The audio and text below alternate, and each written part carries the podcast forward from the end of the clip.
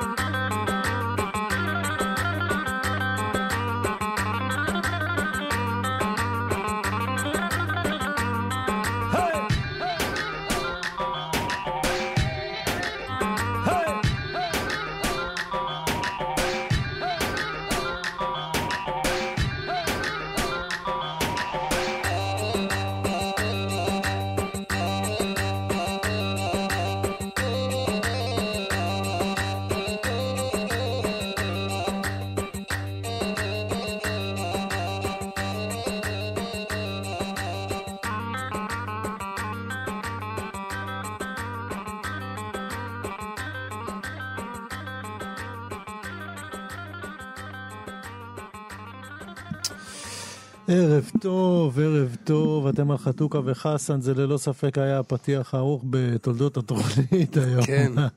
לא מצאנו את הכפתורים סתם, היה לנו פה כמה דברים לארגן. ערב טוב, חסן. ערב טוב, ערב טוב. חתוכה רק תעדכן את ה... אה, לטובת העניין, אתם על כאן תרבות, 104.9, 105.3. אה, זהו, התחלנו... כן, יום חמישי, רק שתדע, נהיה לי כבר פבלוב, אתה יודע, אפקט פבלוב. כל פעם שאני יום חמישי עם חסן והדגים של אמא שלי, הכל כבר, אתה יודע, הכל מתערבב, אני לא... אבל אמרתי לך, אני רק תמיץ, אני כבר לא... די, רק די. תמיץ, מה באמת, אתה- לא מה נורא אתה לך את הדעת. בלשונך? לא נורא, בסדר. לא, באמת, אמא שלי כבר זכותך, משתגעת אני לא- מזה. לא שופט אותך. לא, אני אומר לך זכותך. באמת. אמ, בקיצור, אז קודם כל, אה, זה שוב, זה, זה דבר טוב, אתה יודע, יום חמישי זה, אם אתה מתקשר אצלי ב- בראש ל- לדברים מסוימים, זה דבר טוב. ובכל זאת הצליחו להכעיס אותך קצת, אני מבין, אה, היום או ב- ב- ב- בימים האחרונים, בשעות האחרונות, מתי כן, זה, מתי האמת- מתי התרחש, אני רואה אותך כרוח סערה, כן. אתה לא איתי, אתה אתה עם הטלפון, לא, אני זה, זה מבין קורה, שמשהו... כן, לא יותר מדי, אתה יודע, זה קצת, אני קצת נרתח וזהו, תשמע, פעם זה היה לוקח אותי יותר. אבל כן, אתה יודע, מדי פעם אמ, אמ, האקדמיה, אמ, אני חושב שאנחנו צריכים לעשות קצת תשומת לב קצת יותר גדולה לאקדמיה בישראל, אה, שאני תופס אותה כ, כמקום בעייתי מאוד בלשון המעטה, אני חושב שזה מקום שאחראי במידה רבה. אה, להרבה גזענות שנמצאת במדינת ישראל, שהוא אחראי במידה רבה להסתרה של פשעים שנעשו במדינת ישראל. אני חושב שכבר דיברנו על זה שבאקדמיה הישראלית מעולם לא חקרו את פרשת ילדי תימן, 70 שנה, לא נעשה שום דוקטורט. נכ... שום דוקטורט לא נכתב על הנושא, זה בלתי נתפס, זה פשוט בלתי נתפס, 70 שנה. וזה רק מראה לך כמה כוח יש אה, לאקדמיה, כמה כוח יש לסטודנט אה, שמקבל תקציב עתק לשבת לפעמים אה, אבל, ולכתוב. אבל מה, מה היה הטריגר? למה, למה, אז, למה אז, אתה... אז אוקיי, אז בין השאר חלק מהטריגר כמובן קשור לפרשת אה, ילדי תימן, מזרח ובלקן. אה, שמה קרה עכשיו? ומדי פעם מתנהלים ויכוחים ברשת האקדמאית הפנימית. הפנימית, אני הרבה פעמים מצלמים, לא תראה מה הם אומרים. עכשיו, תראה, כמות השטויות שאנשים כותבים שם היא פשוט בלתי נתפסת. באמת, היא באמת, זה רמות של טיפשות וטמטום ובורות שקשה להסביר אותם. והרבה פעמים זה אנשים שהם דוקטורים. וזה דוקטורים, אה, בדרך כלל גברים אשכנזים, שחושבים שאם הם דוקטורים לנושא אחד, אז הם יכולים אה, להביע דעתם על כל נושא, אז הם כאילו חקרו כל נושא. והיום מפרסם עומר מואב, שאם אני הבנתי נכון מחבר, הוא אה, כלכלן בכיר, מרצה איפשהו, אני יודע מה. הוא משווה בין הטענות לחטיפות הילדים לפייק ניוז בעצם, שאומרים על, על ביבי שכל הרדיפה אחרי ביבי. זאת אומרת, הוא אומר זה כת וזה כת, משהו כזה, והוא מפרסם משהו שמישהו אמר ברשת, ברשת האקדמאית, הוא בעצם מצטט אותו, הוא אומר, עלילת הדם. על פרשת הילדים החטופים, זו עלילת דם, והוא מצטט את ועדות החקירה. אתה יודע, גם, אני, אני כאילו, אתה יודע, אני תופס אותי שוב, רמות הבורות בנושא ובפרשה הזאת הם כל כך גדולים, ואני תמיד נרתח כי בסופו של דבר זה לא דיון אקדמאי נטו, זה דיון שבקצה שלו יש אבות ואימהות שלא יודעים איפה הילדים שלהם. עכשיו, אני רואה הרבה אנשים שהם לכאורה אמיצים ופותחים את הפה, אבל רק תדבר רגע על הילדים שלהם, הם יתחילו לשקשק, הם יחליפו צבעים, ובצדק. הייתה פעם איזה מישהי שכתבה לנו אחרי שמישהו ביקר אותה, אה, תורידו את התמונה שלי עם הילד. שנייה, אבל אתה, אתה רגע אמרת שכל הילדים האלה זכרת ברטה, אבל על הילד שלך את מאוד מאוד פוחדת שרואים את התמונה שלו. אני ארחיב על זה בהזדמנות. אבל בסופו של דבר, שוב, יש אלפי אמהות. ואבות שלא יודעים איפה הילדים שלהם, ובחלק מהמקרים אה, אה, הם חטיפה פר אקסלנס, כולל רופאים, אחיות, שמות, מה שאתה לא רוצה.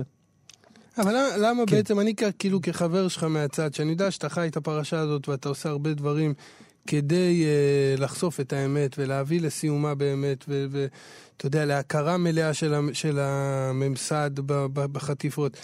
באמת אני שואל, כי, כי זה, ל, כן. למה זה כל כן, כך מרתיח כן, אותך עכשיו, כן, אה, כן. כזה מביע עמדה? עכשיו אני באמת אומר, בשיא הרצינות, אני לא ראיתי את הפוסט הזה. אה, על כמה, על כמה לייקים מדובר? לא, לא, לא באמת, לא- על כמה רחוק הוא הגיע. אתה צודק, אתה צודק. כמה לייקים מדובר? כמה שיתופים? זה ויראלי? זה תופעת רשת? זה פתח מהדורה? זה מה זה? ממש לא, ממש לא. למה זה עדיין מעצבן אותנו? אז אני אגיד לך למה, כי שוב, כי המקור פה זה האקדמיה, והמקור פה זה חוקרים וחוקרות שמרשים לעצמם להגיד דברים שהם לא נכונים. עכשיו, אני שוב אומר, האקדמיה היא מקור עצום של כוח, היא מקור עצום של תקציבים. זה, אה, אנחנו דיברנו כמה פעמים על כל, על כל מיני נושאים ש, לא, שזה זה... עולה. אה, זו, האקד, האקדמיה הייתה מזמן צריכה בעצמה לבקש סליחה על הגזענות ועל חוסר, חוסר היכולת שלה אה, לבצע מחקרים על גזענות ועל זה שהיא מעולם... חוסר הנכונות, לא יכולת. הנכונות, סליחה. ועל זה שהם מעולם לא, אף פעם לא עשו שום דוקטורט על פרשת ילדי תימן. זה, זה מה שאני בא להגיד, שאנחנו בנסיבות אחרות פה דיברנו הרבה פעמים בתוכנית, לא מעט פעמים, על, אה, לפעמים אנחנו אה, שמים יותר מדי דגש על מה שיש, ולפעמים מה שהן הוא מהדהד הרבה יותר חזק ממה שיש. ואני חושב שזה מקרה קלאסי של זה. כן. שזה לא מה שיש באקדמיה, אלא מה שהן באקדמיה. ואני חושב שברגע שהן באקדמיה... דיון אמיתי, אה, אה, מחקר אמיתי, דוקטורט, לפחות אחד, כן? עד כמה שזה נשמע מופרך, על חטיפות ילדי תימן, אה, מזרח והבלקן. אז מכך אפשר להסיק באמת שהאקדמיה פורסת את כנפיה אה, לטובת השתקת העניין, טיוח העניין והפיכת הפרשה הכאובה והטרגית הזאת לאיזו פרשה אה, קונספירטיבית. אה, ובסופו של דבר, אם אנחנו נרד. לנמיכות ולרדידות של אותו כותב פוסט, אז אפילו להפוך אותה לסוג של fake news. כן. וזה כן, ה... כן. באמת אולי הסכנה... כן, כן. הגדולה בהון הזה. כן. אולי אני אוסיף עוד שתיים, שלוש נקודות ספציפיות, כן? אה, קודם כל, אה, מחקרים שנעשו מסביב לזה כן, אה, כן התפרסמו בשנים האחרונות. אחד של דוקטור דפנה עיר, שהיא חקרה בעצם את המנגנון של ההדסה, באנו הנה להביא את המערב, נקרא הדוקטורט שלה, את האופן שבו התייחסו נשים אשכנזיות לנשים מזרחיות. הספר הזה מדבר שם על גזענות כל כך בוטה, שרק על זה כבר ברור לנו לגמרי מה היה הרקע. שוב, אנחנו מכירים מחקרים על גזענות, אנחנו מכירים דוגמאות. אה, עוד מחקר זה מחקר אה, של דוקטור אסתר מאיר גליצשטיין, שבדקה את הסיפור עם התימנים בחשד, במחנה חשד, והתברר לה שהתימנים, הטענות שלהם היו מוצדקות על גזענות, על מכות, על אה, השפלות. זאת אומרת, אם כבר מחקרים שבדקו בשנות החמישים מה היה היחס בין מזרחים ואשכנזים וגילו גזענות כל כך מבישה, משפילה, הייתי אומר, רגע, נקודת המוצא פה שלכם, אקדמאים יקרים, היא כבר כבר במקום מאוד מאוד זהיר צריך להיות. כי אנחנו מדברים באמת על יחס גזעני וקשה, וקשה. אה, אני לא מדבר רק על אפליה בכל מיני מקומות, אלא על יחס גזעני שהוא השפלות, שהוא מכות. דבר שני, גם אתה מסתכל על ועדות החקירה, אה, אפילו, אפילו ועדת החקירה הממלכתית, כן? ועם כל הביקורת שיש לנו, שאני קורא, קורא לה בכלל ועדת טיוח, אנחנו לא נפרט רגע, כן? אבל נעמה כבר הספיקה, נעמה קטי, אה, אה, חברה שלנו, הספיקה כבר אה, לפרסם אה, בפייסבוק אה, את מה שאנחנו כל הזמן אומרים. אפילו ועדות החקירה אמרו, יש פה כמה עשרות אם לא מאות ילדים שכן נעלמו וככל הנראה נמסרו לאימוץ, והוועדה קוראת לזה מסירה מזדמנת לאימוץ. יודע שזה מונח מאוד מאוד יפה. כן. יפה. מה שעשתה ועדת החקירה הממלכתית זה היה טריק מאוד יפה. היא אמרה, אותנו בעצם אה, אה, מינו לבדוק משהו אחד, האם הייתה, האם הייתה הוראה רשמית? האם הייתה הוראה ממסדית לחטוף ילדים? והוועדת חקירה אומרת, אנחנו לא מצאנו ראיות להוראה כזאת. עכשיו, הציבור לא מכיר את כל הסיפור הזה, הציבור שומע, אה, הוועדה אמרה לא. סליחה, הוועדה לא אמרה לא. הוועדה בעצמה מדברת שם על חטיפות, היא קורא- היא קוראת לזה בשם אחר, מסירה מזדמנת לאימוץ. עשרות ילדים באותם שנים המדינה לא יודעת איפה הם, אפילו המדינה מודה לא, לא איפה הם, וזה עוד לפני שאנחנו הולכים למקרים אחרים כבר. בקיצור, אתה מבין מה- למה זה מרגיז אותי? כי, כי יש פה אה, גורם כוח במדינת ישראל.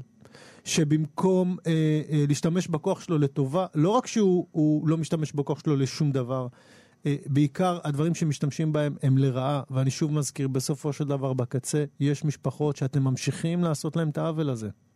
האקדמיה היא שותפה לפשע, בכל, באופן שאני בורא את זה, היא שותפה לפשע של ההשתקה, של הטיוח ושל הפשע הזה עצמו. וזהו, זה מה שמרתיח אותי. כן, אז אחרי המילים האלה, אז אני כבר לא יודע אם אני, אה, כן, אם יש לי את ה... כן. אם יש לי את הזמן, או את נקליל, את או. את הפנאי ל- ל- לעסוק במה שאותי הכעיס, או אני לא יודע אפילו אם הכעיס, אלא אה, יותר העלה בי איזושהי, איזושהי אה, אה, תהייה לגבי הצביעות קצת של האנשים, אה, של איך שהם תופסים את העיתונות בימינו. אני מדבר, אני אולי אגיד את זה באמת בכמה מילים, כי אנחנו קצת קצת זלגנו בפתיחה, שאמורה להיות יחסית אה, קלילה וקצרה, אז היום אנחנו חורגים, אה, קלילה היא לא, וגם קצרה היא כבר לא תהיה, אז אנחנו ננסה לא להאריך יותר מדי. אני מדבר כמובן על ה... על הרעיון שהתפרסם עכשיו ב... במגזין את, אה, רעיון של שרה נתניהו שנעשה, אשת ראש הממשלה? כן, שנעשה על ידי אה, סנדרה רינג, רינגלר, אני אומר את שמה נכון? נראה לי. נראה לי. אה, ריגלר או ריגל, רינגלר או ריגלר? איך נדב? נראה לי רינגלר. רינגלר, נכון? כן. רינגלר, אוקיי, אז uh, סליחה, אז uh, על ידי סנדרה ריגלר, uh, ש... שהיא הסטייליסטית האישית של uh, שרה נתניהו וחברתה הטובה, וזה גרר, uh, אפרופו ויראליות וברשת, uh, זה, זה גרם לאיזה סופת, מטורפת. סופת טינופת כלפי העורכת כן. של וכלפי העיתון, המגזין. כלפי העיתון, כן. כן, אבל החצים נשלחו כלפי העורכת. צ- צריך אה, אולי להוסיף. כן, צריך להוסיף ש- שאנחנו- שמדובר במגזין, שמן הסתם אה, אה, גברת שרה נתניהו קיבלה עמוד שער, עמוד שער כן, שם. אתה יודע, זאת אומרת, זה לא- לא היה סתם, היא קיבלה ממש עמוד שער. כן. עכשיו אני פה להגיד, אתה יודע, אה, להגיד כן, אני מבין, אין בזה שום ערך עיתונאי, על זה אין לנו, על זה אין לנו עוררין, אבל על מה הפרצוף המופתע? אנחנו חיים במדינה שבאמת אה, בשנים האחרונות, אה, אתה יודע, לשים עכשיו את מגזין את ולצפות מהם להיות העמוד, העמוד המוסר של העיתונות הישראלית, זה קצת לזלזל באינטליגנציה של אנשים, אני חושב. כי מה שאנחנו רואים פה זה שהעיתון הכי נפוץ במדינה הוא בעצם אה, עיתון של הממשלה, אה, בדרך כזו או אחרת, ובשאר העיתונים אתה רואה... אה, אה, היום שחברים מראיינים אה, פוליטיקאים, מראיינים אה, אה, אומנים, סופרים, אנחנו רואים, הם אפילו מתכבדים באיזושהי אמירת... אה, אה, איזושהי אמירה מראש שאנחנו אמנם חברים וזה, וזה כאילו איכשהו מחליק הדבר הזה. חברים כותבים על חברים שלהם ביקורות ספרים, ביקורות סרטים, ביקורות מוזיקה. כל העיתונות נהייתה כמו איזה מועדון חברים אחד גדול. עכשיו להגיד שאני בעד זה, אני לא. אבל על מה הפרצוף המופתע עכשיו פתאום שנזכרתם שזה לא בסדר שנותנים לחברה לראיין את, המ- את המרואיינת? אתה יודע, אולי זה זמן אה, בחירות, אולי זה, זה מן הסתם יוליד תגובה ניזמת על ידי אה, אה, אנשים שלא תומכים ב- בשרה נתניהו, יותר נכון בביבי נתניהו, אבל בחייאת רבאק, הפרצוף המופתע הזה, לפחות, לפחות, אתה יודע, לפחות שנו פרצוף, למה... תראו מופתע, תראו מופתעים. לא, תראו כן, מופתעים. כן, תראו, מופ- אתה יודע, כן. תנסו להיראות מופתעים, כי זה לא, זה לא עובד. זה לא עובד. אמ, אנחנו צריכים להתפלל לעיתונאות קצת יותר אה, רצינית, כי זה באמת חשוב, אני חושב, בכל כן. מדינה. אבל לבוא ולהיתפס עכשיו על איזה משהו נקודתי ולהציג את זה כסוף העולם, מגזין את, ירד ל... בחייאת. אה, אה, אני כמובן מכיר, אה, אתה יודע, אנחנו מכירים הרבה, אני באמת שומע את הביקורות שלך, וצריך לבוא ולהגיד, אתה בעצם אומר, זה גם ככה, זה קיים, זאת אומרת, מה אתם עכשיו מזדעקים? אבל בוודאי. אין ספק שמדובר במשהו... אני אה, אומר, אני לא תומך. אני כן, לא כן, תומך, לא, אני לא חושב שזה שיא חדש. לא אני לא חושב שזה שיא חדש, אני חושב, אוקיי. אתה יודע, אתה יודע, שאומרים לי, אם היית אומר לי זה שיא חדש, הייתי אומר, מי שמך לקבוע- לקבוע מהו שיא חדש? כן. אוקיי. אתה יודע, בשביל כל אחד אחר זה משהו אחר. בשביל סופר שנותן את חייו לכתוב ספר אה, שלוש, ארבע, חמש שנים, וכולם מתעלמים ממנו, ואחרי זה אתה רואה כל מיני סופרים בינוניים שחבר שלהם מראיין אותם בעיתון, אז אני חושב שבשבילם זה שיא חדש. כל אחד והשיא חדש שלו. אז אה, אני לא יודע, אני לא, אני לא קובע שיאים ולא, אה, טוב, ולא מתיימר. fair enough, fair enough, אבל זה- אני זה- אומר, זה באמת... זאת, אה, תר... זה, זה התנהלות מאוד מאוד גרועה, כן. אבל ההתנהלות הזאת קורית כל הזמן, לפחות בשנים האחרונות, אז חלאס עם הפרצוף המופתע. טוב, רעיון הבא אני עושה לך, חסן. כן. סגור. הנה, מה, התחלנו בנושא... אה, אה, נראה לי שהשווינו. סך הכל זה אותו... לא, זה לא אותו. לא, זה אוקיי, לא לא, טוב, לא, ניסיתי להקליל את הקצת. טוב, נשים מוזיקה, אולי השמחות יקלילו אותנו קצת. כן. אחלה חמישי, תן בראש.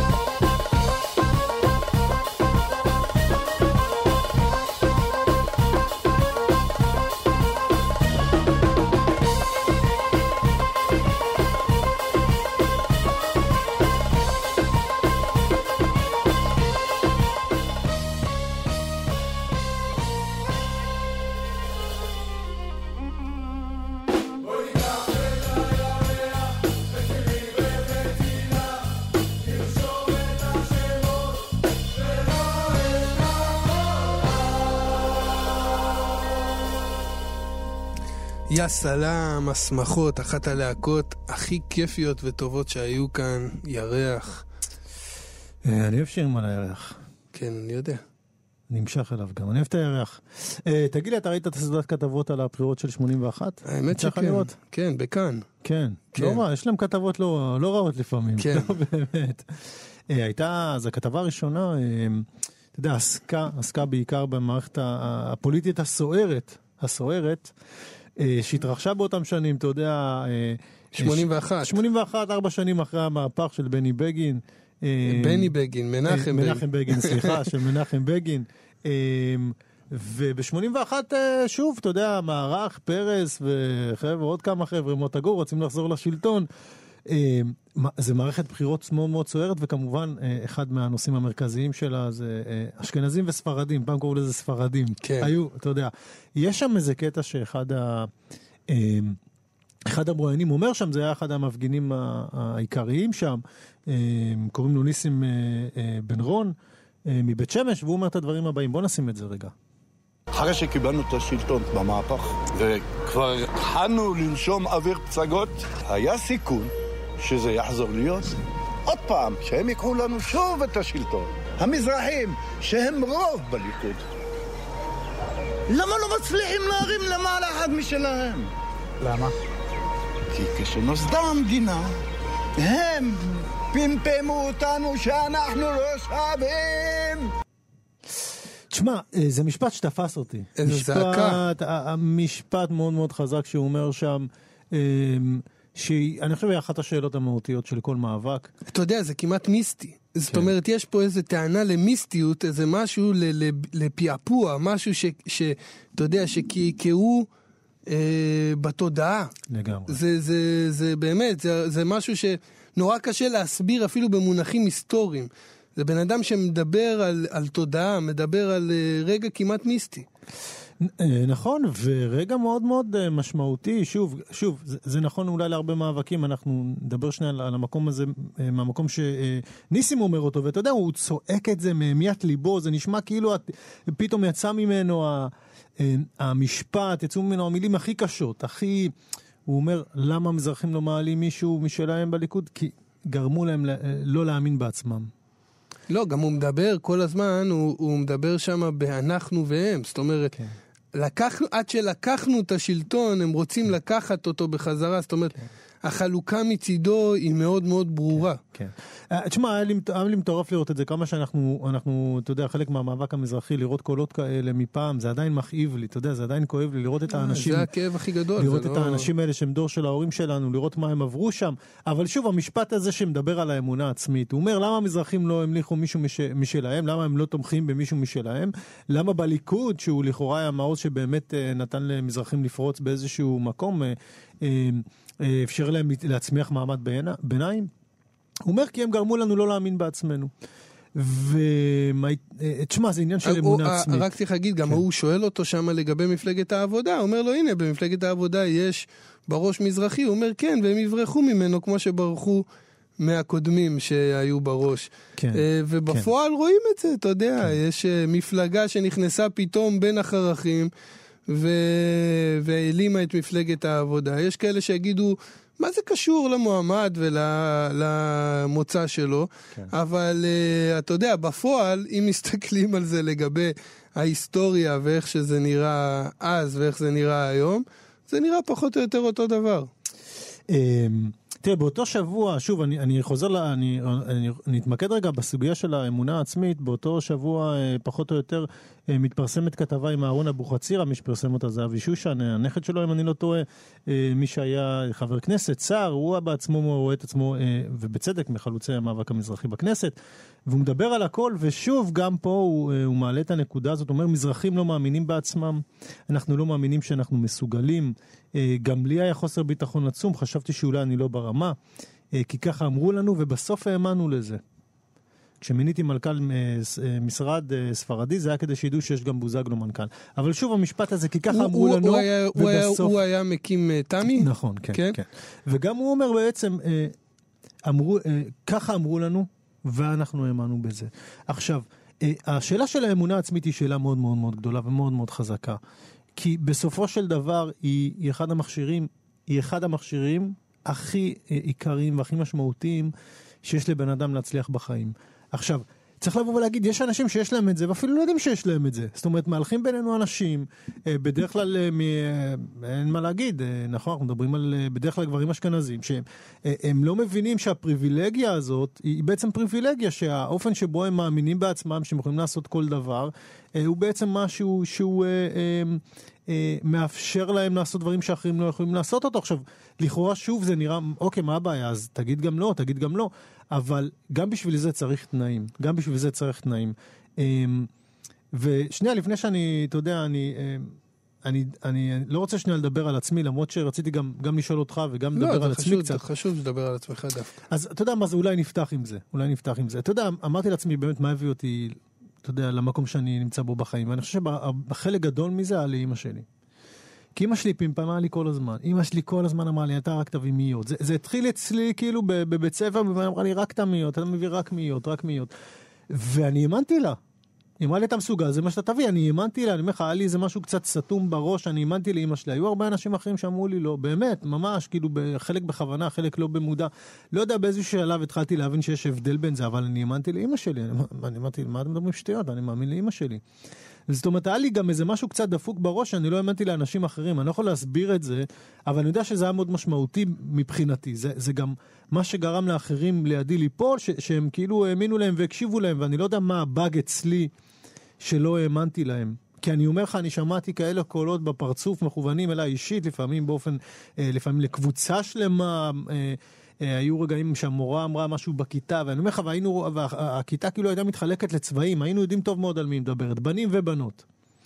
אבל אימא שלי נטעה בי כזאת אמונה עצמית, שרק בדיעבד אני, רק כשהייתי בגיל להיות מאוד מאוחר, אני הבנתי באופן מודע איזה כוח עצום זה היה. ולא מובן מאליו.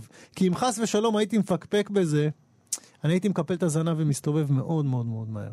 תראה, במקרה שלי אני יכול להגיד שכשאני שואלים אותי, או יותר נכון טוענים בפניי, הנה אתה הצלחת, איך קרה שאתה הצלחת, כשאני עונה את התשובה שאני מאמין בה, בדרך כלל אני נתקל ב, ב, ב, בסוג של זעזוע מהאנשים ששומעים אותה, כי זה בדרך כלל תשובה שאתה רגיל שיטיחו בך ולא אתה תודה על עצמך. אבל הסיבה שאני אה, אה, בסופו של דבר, כן, אתה יודע, הצלחתי, זה עדיין בפרופורציות של מה זה להצליח, אבל במובן הזה, אה, אני קודם כל מייחס את, ה, את העניין הזה למזל. היה לי מזל, היה לי מזל גדול, היה לי מזל ענק.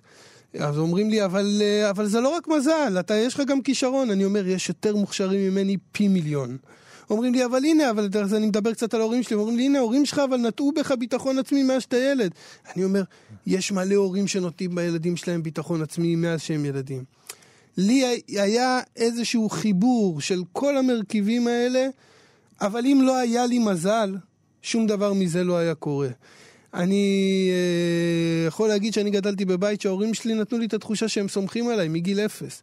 למרות שאתה יודע, הרבה פעמים אני שאלתי את עצמי למה, למה הם סומכים עליי? אתה יודע, הייתי בעייתי בהרבה מאוד אה, מובנים, הייתי ילד לא קל. בכל זאת, גדלנו במקום מסוים ש, שדרש אה, התנהגות מסוימת והתנהלות מסוימת. ו... אבל אני גדלתי בתחושה כזאת, שאתה יודע, ש... שההורים שלי היו רואים אותי ילד כותב, ואף פעם אבא שלי לא היה אומר לי, תלמד מתמטיקה, מה אתה מבזבז את הזמן על השטויות האלה? הוא היה מלטף לי את הראש, והיה אומר לי, יום אחד, יום יבוא ואתה תרשום ספר. ככה, ב... ב... את המשפט הלא תקני הזה, אני אומר בכוונה.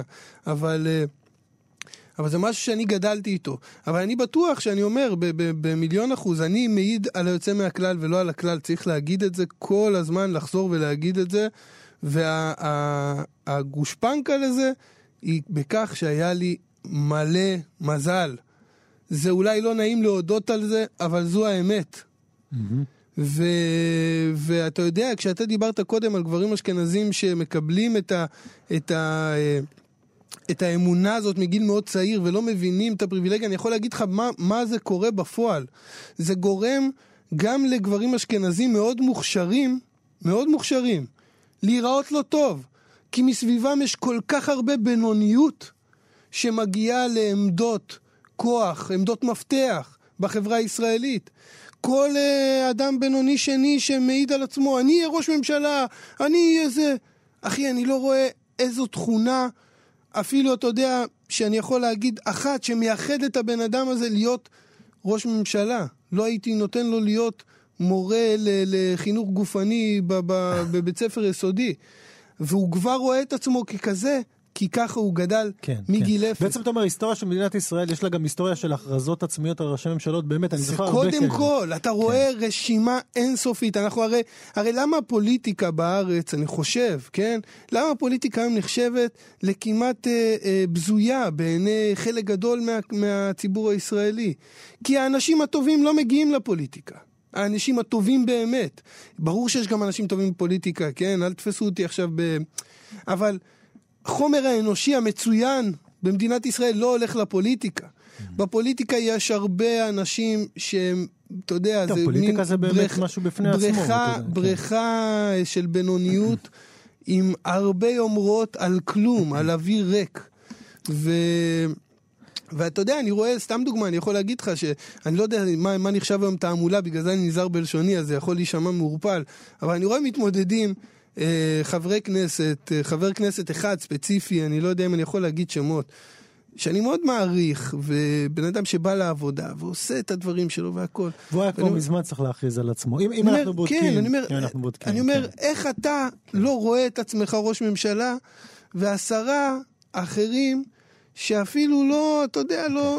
אני רוצה להעלות את ההימור, אני רוצה להעלות את ההימור. תראה, הייתה לי שיחה השבוע עם אה, דוקטור פוריה גל, אה, פור- פוריה גל גץ, אני חושב שאתה מכיר אותה גם כן. כן. אה, והיא התארחה בתוכנית של דוב, דוב אלבו, עם, אה, ויצאנו אחרי זה פה לשתות קפה איפשהו. ודיברנו על זה, בדיוק סיפרתי לה, אמרתי לה, תשמעי, השאלה של האמונה העצמית. היא מאוד uh, מטרידה אותי באמת, כי uh, שוב, אה, אני אציין בקצרה, המאבק בפרסומות הוא רק בגלל זה. מי, ש, מי שלא רואה את עצמו בפרסומות, עשיר, שמח, רב תושייה, הוא מפנים את זה, ולהפך, זאת אומרת, מי שרואה את עצמו מיוצג בפרסומות, הוא, הוא, הוא מפנים את התכונות האלה של אנשים שנראים כמוהו, שהם בדרך כלל היו אשכנזים חילונים. המאבק בשנים האחרונות אתה יודע, אה, אה, אני מצליח אה, לראות שינויים מאוד מאוד מדהימים, והם בדיוק העיקר, אתה יודע, זה מי שיראה את עצמו, מי שיכול לדמיין ולהאמין. בגלל זה אני אומר פה בהערת שוליים למה זה היה כל כך חשוב. בקיצור, אני מדבר עם פוריה, והיא מדברת איתי קצת על... היא נותנת לי את הדוגמאות של משה רבנו ושל ברק אובמה. כן, היא דוברת כיח, היא עוסקת הרבה במוביליות חברתית. ומנסה להעלות את זה על סדר היום, והיא אומרת באמת, שים לב ש, שבמקרה הזה, זה אנשים שלא התחנכו בשכונה שלהם. ומשה רבנו, גידלו אותו נסיכי מצרים, אה, אה, אובמה התחנך אצל אה, זוג הורים באיזשהו, כאילו מחוץ להם, הוא נולד בארצות הברית, אבל הייתי שם או משהו, לא הייתי, חושב. וגם אמרו לו, אבא שלך לא, לא נמצא פה, אבל אבא שלך היה נסיך, הוא גדל בתודעה ובמקום אחר, הוא לא גדל בשכונה. כמו משה רבנו, הוא לא גדל בשכונה היהודית. עכשיו, הם, הם לא גדלו בתודעה הזאת, של תודעה של, אה, לא יודע מה, של עבד מוכה, או של מישהו נרדף, או של מישהו שכל החיים שלו צריך להיאבק בשביל לשרוד, והם יכלו אולי להפנות את עצמם לחלומות, לבנות את האני הפנימי שלהם, המנטלי שלהם. ואז בעצם לעשות את מה שהם עשו. אבל עכשיו, תוך כדי שאני, אתה מדבר, אני חושב על משהו אחר. הם, אה, לא רק שהם בנו בעצמם את האמונה העצמית הזאת, גם מבחוץ, גם האנשים מבחוץ.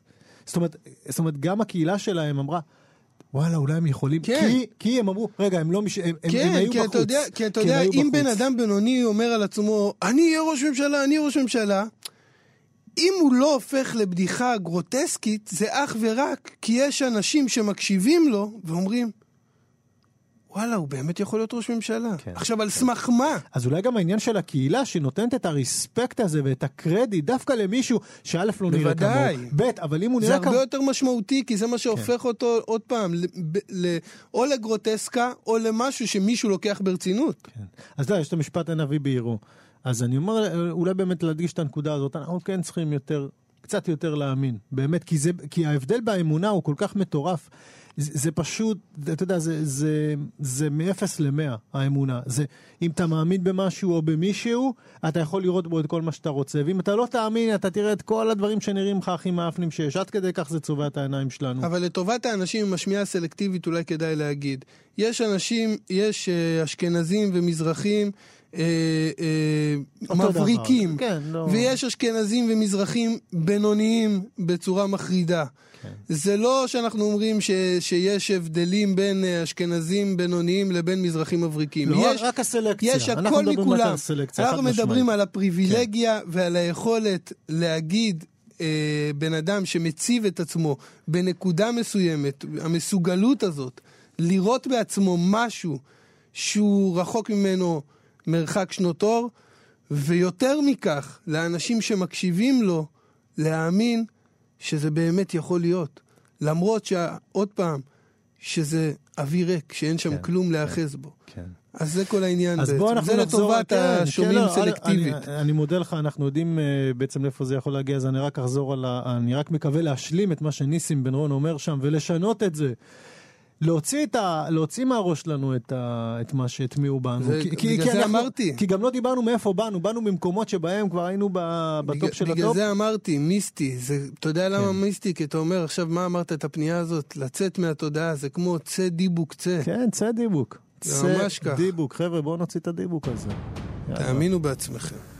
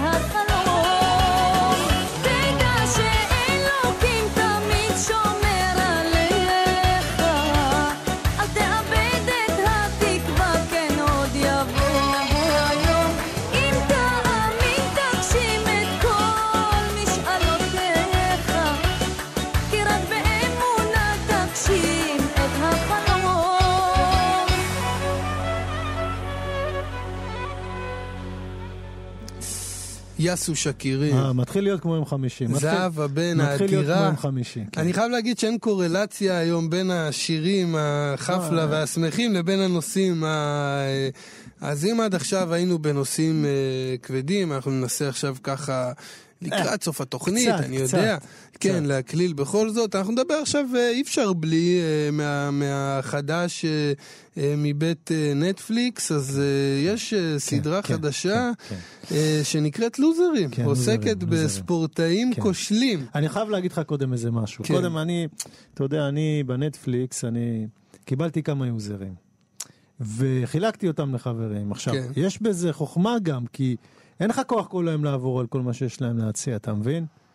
אז מדי פעם אני שואל את ארנון, הבאתי לה, אמרתי, ארנון, מה קורה שזה משהו טוב? אמר, יש אחלה סדרה. אתה מבין את ה... כן. זה חוזר אליך. סתם, אני צוחק, אני רק רוצה לתת לארנון את הקרדיט הזה. כי הוא הפנה אותו לסדרה מאוד מאוד מעניינת. שאני, דרך אגב, ראיתי אותה טוב, בזווית אחי, אתה העין, אמרתי, אבל- "פשט". אני אה. לא רציתי בהתחלה לראות אה, אותה. באמת? אמרתי, מה זה לוזרים? מה אני עכשיו צריך לראות סדרה על לוזרים? זה יבאס אותי, אתה מבין? מה זה, אתה יודע למה אני אוהד הפועל תל אביב? סיפרתי לך פעם. כן, מקום אחרון בטבלה. נו, מה, יש יותר מזה? כן. אני נמשך אליהם כמו לאש, כן, ללוזרים. כן. זהו, האמת שגיליתי הרבה, אבל טוב, בוא תתחיל, אני באמת... לא, אז באמת סדרה, סדרה. מדהימה, כן. אני ראיתי את ה... ראיתי האמת בינתיים שלושה פרקים, צריך להגיד, זה סיפורים קצרים בעצם, כן. שמספרים, אה, אה, כל סיפור הוא סיפור נפרד על, אה, על ספורטאי, ספורטאית אה, אחרים, בכל מיני תחומים האמת, יש שם גולף, יש שם כדורסל, כדורגל, אה, אגרוף, אה, אבל אני רוצה לדבר על פרק שאני ראיתי, והאמת, אה, אתה יודע, השאיר אותי כזה די עמום, על אה, פרק על, אה, בעצם על תחרות ריצה, אה, מרתון, שנ- מרתון ש... שקורה ב- במדבר סהרה כל שנה, והסיפור שם הוא בעצם מדבר על אה, סיפור בניינטיז, לדעתי זה היה בשנת 94 אם אני לא טועה, לרץ, לרץ הזה קראו מאורו פרוספרי, אה, רץ איטלקי מרומא, שהלך יחד עם חבר שלו לאתגר הזה. ובניגוד לחבר שלו שהוא כזה בן אדם שיאללה חוויה בוא נעשה את זה נרגיש את המדבר נתחבר לפנימיות שלנו וכולי אה, מאורו פרוספרי הוא לא אחד כזה שבא כדי להתחבר לפנימיות שלו, הוא בא כדי לנצח. וצריך להגיד, זה מרתון סופר סופר סופר אקסטרים. אה, סופות חול, זה מתרחש באפריל, ככה שזה אה, תקופה שיש בה סופ- סופות חול מטורפות, ברמה של ממש סופות שמזיזות דיונות אה, קטנות ממקום למקום בתוך המדבר. ואחרי שלושה ימים, ביום הרביעי, בעצם המקטע הכי משמעותי של, המרתון, שבו בעצם הרצים, אתה יודע, זה המקטע שקובע את איפה הם יעמדו אה, ביחס, ל, ביחס למרוץ. כי זה מקטע מאוד ארוך, ואז הם בעצם נפרדים מהקבוצה. אותו מאורו פרוספרי אה, הלך אה, איזושהי כברת דרך והגיע לאזור עם דיונות קטנות, והוא אומר, הדיונות הקטנות הן הרבה יותר גרועות מהדיונות הגדולות, כי הן נעות. או, ופתאום הגיעה סופת חול מאוד מאוד רצינית, והסופת חול אה, פשוט העלימה את הכל מסביבו, הוא... סופת חול של שמונה שעות. הוא יצא ממנה שהוא לא רואה. אף אחד, לא רואה שום שילוט במקום, כי כל השילוט עף ונעלם מה... מאותה סופה. מצא את עצמו לבד במדבר סהרה, וכך הוא מתאר את, ה, את uh, מהלך הימים שבאו אחר כך, אתה יודע, באיזה הדרגה. בהתחלה לא דאגתי, לא חששתי, הלכתי לישון בשק שינה, סופת חול, קמתי לחטיף אנרגיה, המשכתי לרוץ. אבל עבר יום ועוד יום ועוד יום, והוא לא מוצא אף אחד, והוא מתחיל להרגיש שהמצב הולך ונהיה אבוד. והחבר שלו מספר שאתה יודע, הנוהל הוא שאחרי חמישה ימים במדבר מכריזים על האדם כמת. ו... תענוג, תענוג. והוא לא חזר אחרי חמישה ימים, צריך להגיד, הוא רק ביום התשיעי, אחרי שהלך במדבר, ברמה שהוא מתאר שם שעורבים הולכים אחריו, עפים אחריו, כי הם מזהים שהוא תכף אוטוטו הופך אה, להיות להם למאכל. כן. אה, הוא מצא... זה לא העורבים עם האגוזים שזורקים. לא, ביום השמיני בעצם, הוא הולך עד שמצא איזה, איזה בקתה כזאת, איזה מבנה אבן אחד בתוך המדבר. הוא נכנס למבנה, ראה מזבח, קבר כזה, אוי ואבוי. ונכנס לבפנים. אה, למזלו הגדול מצא שם עטלפים, עטלפים, וזה מה שהוא אכל כדי לשרוד. אה, וכשהוא יצא משם, מה, מהבקתה יום למחרת, בעצם באותו יום הוא ניסה גם להרוג את עצמו, הוא חתך את עצמו והלך לישון במטרה לא לקום, כי הוא היה בטוח שהוא מת, והוא אומר, לא אכפת לי למות, רק הפחד הוא לסבול, ולא רציתי לסבול. אבל uh, להפתעתו הוא התעורר ביום שאחרי, הוא הבין שהוא כנראה לא חתך מספיק עמוק. ויצא משם דווקא מתוך המקום הזה שאם זה לא הרג אותו, שהוא בטוח הולך להינצל למרות שלא היה שום סימן שזה הולך לקרות. ופתאום הוא ראה ביום התשיעי ראה איזה ילדה וסימן לה כזה לשלום, והילדה נבהלה שהיא ראתה אותו באמצע המטבח, ברחה, וכמה רגעים אחר כך הגיע ג'יפ צבאי, תפסו אותו, שמו לו פל, פלנלית על העיניים, אה, כיוונו אליו רובים, הוא אומר שזה היה הרגע הכי, הכי מפחיד בכל הדבר הזה שהוא עבר, ובעצם הוא היה בטוח שהוא הולך למות, אבל הם אה, מן הסתם לקחו אותו לקבל טיפול רפואי, הוא הגיע פשוט לגבול עם אלג'יריה, ו...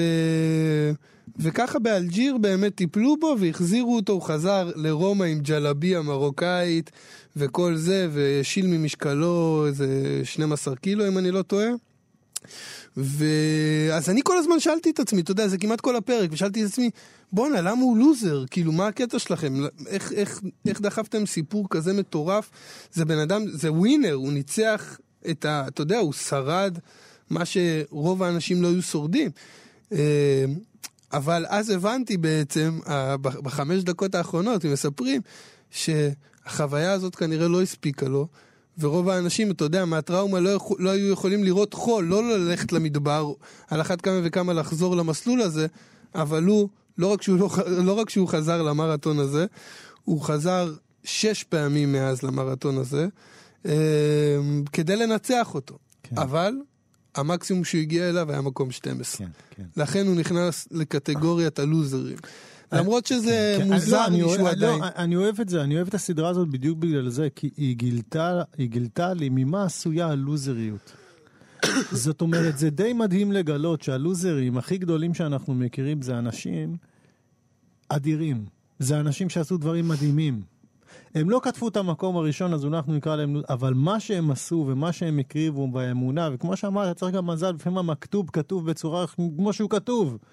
אבל הלוזרים האלה, ועל זה הסדרה, נגיד הפרק הראשון על המתאגרף מייקל בנט, שאבא שלו אלים בצורה קיצונית שלא ראיתי כמוה, אדם חף כל אהבה וחמלה.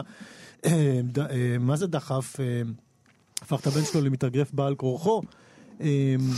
והסיפור הזה כל כך מרתק על בן אדם שבעצם רצה להפסיד באיזשהו מובן, וניצח כי הוא פחד להפסיד עוד פעם.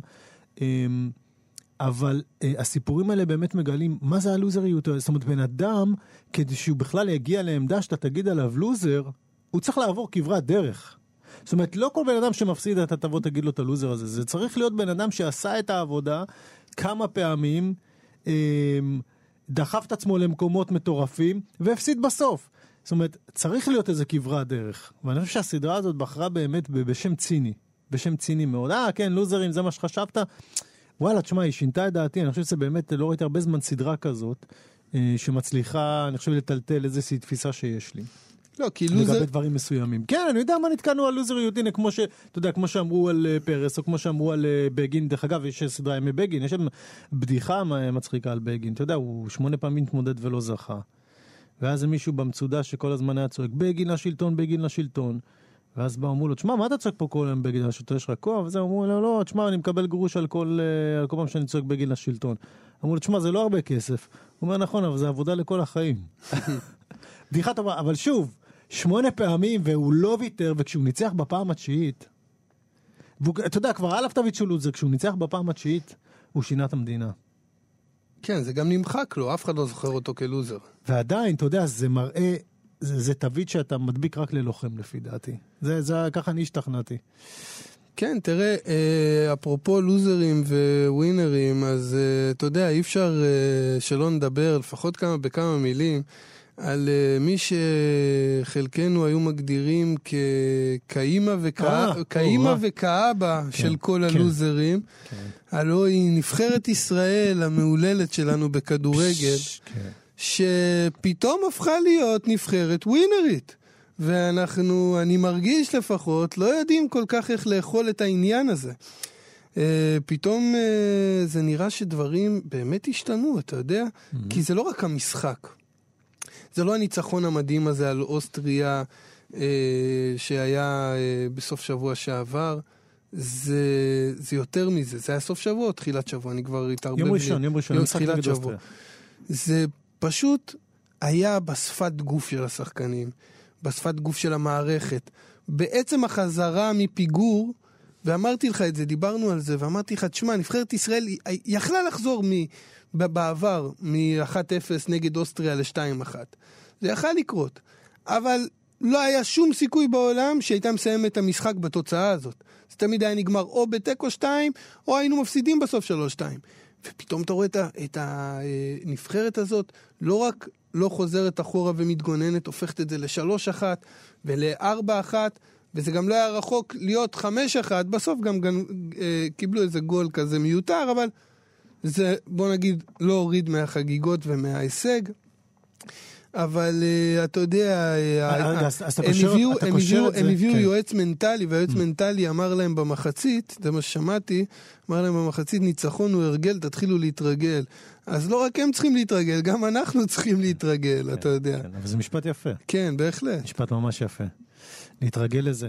אה, קודם כל, אתה יודע, אה, קשרת את זה, עכשיו אנחנו נתייחס לזה באמת ברמה, אה, ברמה הארצית, כמו שאנחנו מכירים את זה, יש, אה, יש כמה שחקנים שם שהם ווינרים. שהם ממש ווינרים, אה, רן זהבי, גם אה, מונס דבור, פעם, גם אפשר- אפשר- הם ווינרים באופי שלהם. אתה מבין, אבל זה קצת גם התרבות ספורט הישראלית, קצת להרחיק לכת, כי, כי אי, אפשר, אי אפשר לא לשמוח ולא לעוף מהזה, ואתה יודע מה, גם אי אפשר לא להרחיק לכת, מותר לנו להרחיק לכת אחרי כל כך הרבה כישלונות. אבל בכל זאת, אחי, בשביל הבריאות שלנו, מה שנקרא, בואו ניקח את הדברים בפרופורציות. זה עדיין אותם שחקנים שחוו כישלון אחרי כישלון אחרי כישלון. בוא נגיד ככה, כמו שאמרת על הבדיחה עם מנחם בגין, שמונה, שני, שמונה פעמים הוא הפסיד, בפעם התשיעית הוא הפך את המדינה, ובפעם התשיעית שהוא ניצח, הוא כבר, אף אחד לא זכר לו את זה. היום תגיד בגין, הדבר האחרון שהתחבר אליו זה לוזר. אז באמת אם הם יעשו את המשימה הזאת סוף סוף, יצלחו את המשימה, יותר נכון לומר, אז באמת אולי אנחנו נוכל להתייחס אליהם כאל ווינרים, וגם נשכח להם את, כן. את, אה, את הלוזריות של העבר. והלוואי, אתה יודע, אני אוהד של הנבחרת, אני לוקח את זה קשה, את ההפסדים ואת ה, את השנים הקשות. אז אה, כן. אני הייתי בטירוף, תשמע. שמח, אני שמח מאוד. אה, שוב, מההפתעות המעניינות והשמחות, אה, אה, ושוב, אנחנו מדברים פה על מנטליות, באמת, לא להישבר, מנטליות. וצריך אה, להגיד, למי כן, שאולי פחות בעניין ופחות במבין, שאוסטריה נבחרת אה, בחמש דרגות מעל הנבחרת שלנו, אה, שאף אחד לא נתן לנו שום סיכוי אה, לנצח, אה, להוציא תוצאה טובה, אבל... אה, אבל אתה יודע מה, זה נטע הרבה תקוות, אני מקווה שהם לא יהיו תקוות שווא. שוב, אתה רואה, אני זהיר, אני הולך על בעונות, מה שנקרא, כשאני מדבר על הנבחרת. אה, אה, סבבה, אתה יודע מה, אני- גם אקשור את זה למשהו סמלי שקורה הערב. תשמע, אנחנו חוגגים הלילה אה, מאורע חשוב מאוד, מציינים אולי את המאורע החשוב של השנה, אה, מעבירים הלילה את השעון מ... אה, משעון חורף לשעון קיץ. המאורע מאורע החשוב של השנה. באופן רשמי, משעה 2 לשעה 3. מצפים לנו כמה ימי גשם, כאילו להכעיס, אתה מבין? כאילו להכעיס. אה, אבל אנחנו, אה, בקיצור... לא להכעיס, אחי, זה החיים, זה הטבע, זה נקרא מלקוש. אתה יודע מה זה מלקוש? כן, כן, אה? אני, הייתי מתפלל לא מעט. הכל טוב, תגיד תודה על הגשם, מה קורה לך? אתה היית מתפלל לא מעט, חתוכה, אתה לא יודע שאסור להתלונן על הגשם. אתה יודע שביום כיפור? אתה יודע שביום כיפור יש, אתה יודע שביום? כיפור יש ברכה שאומרים כן. בדיוק לאנשים כמוך. חס ושלום, אתה יודע מה אל הברכה? תפיל אותי, אני נשבע לך. אל תפיל אותי. אתה יודע מה הברכה אומרת? אתה יודע מה הברכה אומרת? הברכה אומרת לאלוהים, כן. אל תקשיב כן. לאלה שמתלוננים על הגשם. חס ושלום. זאת אומרת, אלה שאומרים, רק שלא ירד גשם מחר, יש לי אירוע, רק שלא ירד, אתה יודע, לתפילות האלה, אז הברכה ביום כיפור, באמת, זה אשכרה, זה כתוב, אתה, אתה מברך את זה, אל תקשיב לברכות הביטול לא, גשם. חס ושלום, אני רק, אני רק בעד גשם, חס ושלום. אה, לא, אני באמת רגיש לזה, תשמע, המצב אה, על הפנים. אה, אז קח את זה בצחוק. בכל מקרה, בכל זאת אנחנו מדינה מזרח תיכונית, השעון קיץ אומר יהיה לנו עוד שעה באור. לא, גם אגב, הכל, כל דבר. קורה בעיתו, אחי, עוד מעט מגיע קיץ, יהיה לנו, אנחנו מדינה שטופת שמש, כן, שמש לא חשוב. חסר. שיהיה קצת גשם, יהיה מלקוש, נגמור את העניין. אני רק מרגיש, אתה יודע איך אני כן. מרגיש את התקופה הזאת? לא. קצת, אני מסתכל כאילו מהחלון ואני רואה כאילו יש איזה חיית מחמד שיושבת עם הגב אליי ומקשקשת בזנב, ואני רואה את הזנב שלה ככה מרחוק, כאילו מנסה לפרוץ, ואני אומר, צריך רק לתפוס לו את האביב, כאילו, כמו איזה חיה שעומדת עם הזנב, אומר, צריך למשוך לו בזנב, שיבוא כבר. יאללה, בוא נקרא לו, בוא, בוא נקרא לו. שיבוא קצת. כבר ננסה. האביב. כן, ננסה. אה, יאללה, אביב. אנחנו כן, אין זה, על האביב, זה. יום הולדת שלנו, כן, חתוכה. יום הולדת, אנחנו חוגגים יום. הולדת עוד מעט. חופשי, חופשי. מתי זה? עוד שבועיים כזה, לא? מה זה, אני אני- במוצא שבת כבר.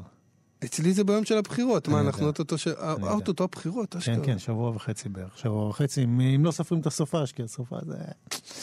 טוב, יאללה, בוא זה... מה? בוא נחתוך. כן, זהו, יאללה, סיימנו? מספיק, נראה לי לא. מספיק היום, חסן. כן. אה, טוב, אז מי היה איתנו כאן? ספר לנו. כן, נדב אלפרין העורך, אה, ות- והטכנאי, העורך והאברך. אל- אלעד זוהר. אלעד זוהר. כמו גיא זוהר, מה רק אני אעשה? אלעד. אני לא טוב, אני לא טוב בשמות, אני לא זוכר. אה, אז תודה רבה לכם שהייתם איתנו היום. אה, חסן, תודה רבה. תודה לך. כרגיל. כן, אה, השבוע, אתה יודע, שבוע היסטורי בחדרה. אנחנו חצי כן. גמר גביע נגד מכבי נתניה, תחזיק לנו אצבעות. בכיף, בהצלחה. והלילה, אם אתם לא בטוחים, תשנו עוד שעה. בקיצור, תשלימו את זה אחר כך. משתיים הופך להיות שלוש. אנחנו נפגשים באותה שעה, רק יהיה לנו יותר אור. כן, יהיה יותר אור. טוב, אנחנו בעד אור. יאללה.